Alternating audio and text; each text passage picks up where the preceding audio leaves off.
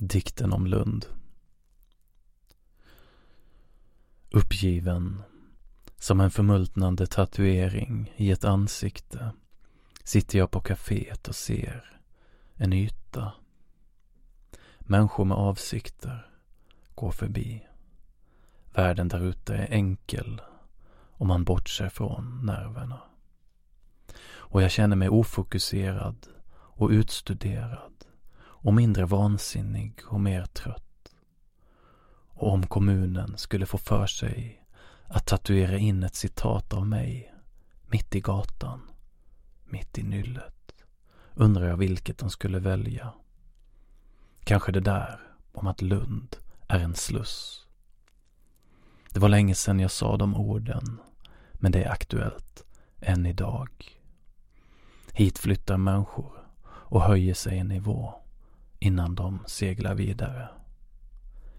Men snälla, citera mig inte när jag säger att universitetet är en paradisö.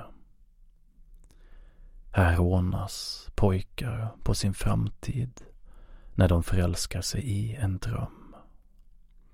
Citera mig inte när jag säger att lärarna inte lär ut hur fantasierna äger oss men de lär oss om frihet och en blomstrande framtid. Om vi bara slår oss samman mot den nästan oövervinneliga makten. Många av er kommer sluta inom vården, sa Ann Heberlein till sina teologer. Men citera mig inte på det, för det är bara andrahandskällor. Och citera mig inte när jag säger att här rånas pojkar på sin framtid som män. De rånar oss alla på en produktiv framtid. Skuldsatta, i dödläge. Men citera mig inte, snälla. Kurserna vindlade vackert som stigar på en fantastisk äng. Det fanns ingen poäng och det var poängen. Vi kunde uppfinna oss själva igen och igen. För vi var tjugo och strax 25 och 30 max. Vi var unga, smarta och dumma.